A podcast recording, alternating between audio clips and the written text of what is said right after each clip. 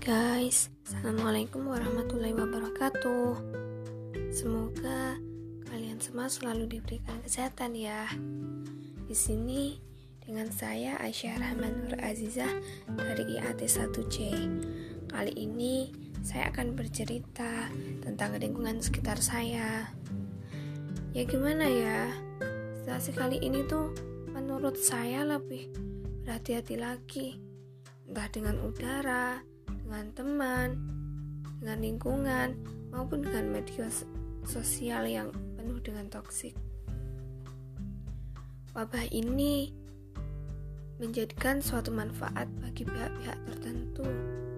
Mereka bisa memanfaatkan untuk keperluan dirinya sendiri, dan mereka pun ada yang merasa rugi dengan keadaan ini. Ada juga mereka yang memanfaatkan hal ini untuk menyebarkan hal-hal yang positif. Situasi kali ini banyak sekali orang yang kehilangan pekerjaan. Tak hanya itu, para pelajar pun juga merasa resah dengan hal ini. Bahkan mereka memilih bekerja daripada sekolah. Susah-susah gampang sih untuk bekerja naik turunnya kondisi seperti ini yang menyebabkan pelonjakan kasus COVID hingga menjadi tsunami COVID di pertengahan tahun ini. Banyak sekali keluarga, teman, hingga orang yang paling disayang pun pergi. Dengan ini, apa yang bisa kita lakukan untuk menanggapi hal ini? Kita bisa merubah pola pikir kita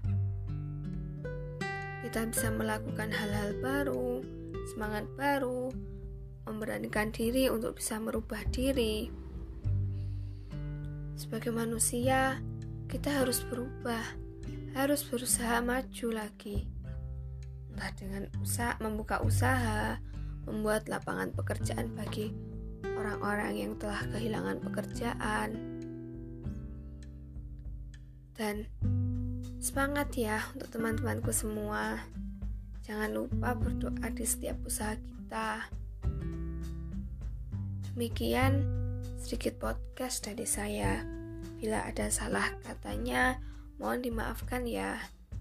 Wassalamualaikum warahmatullahi wabarakatuh.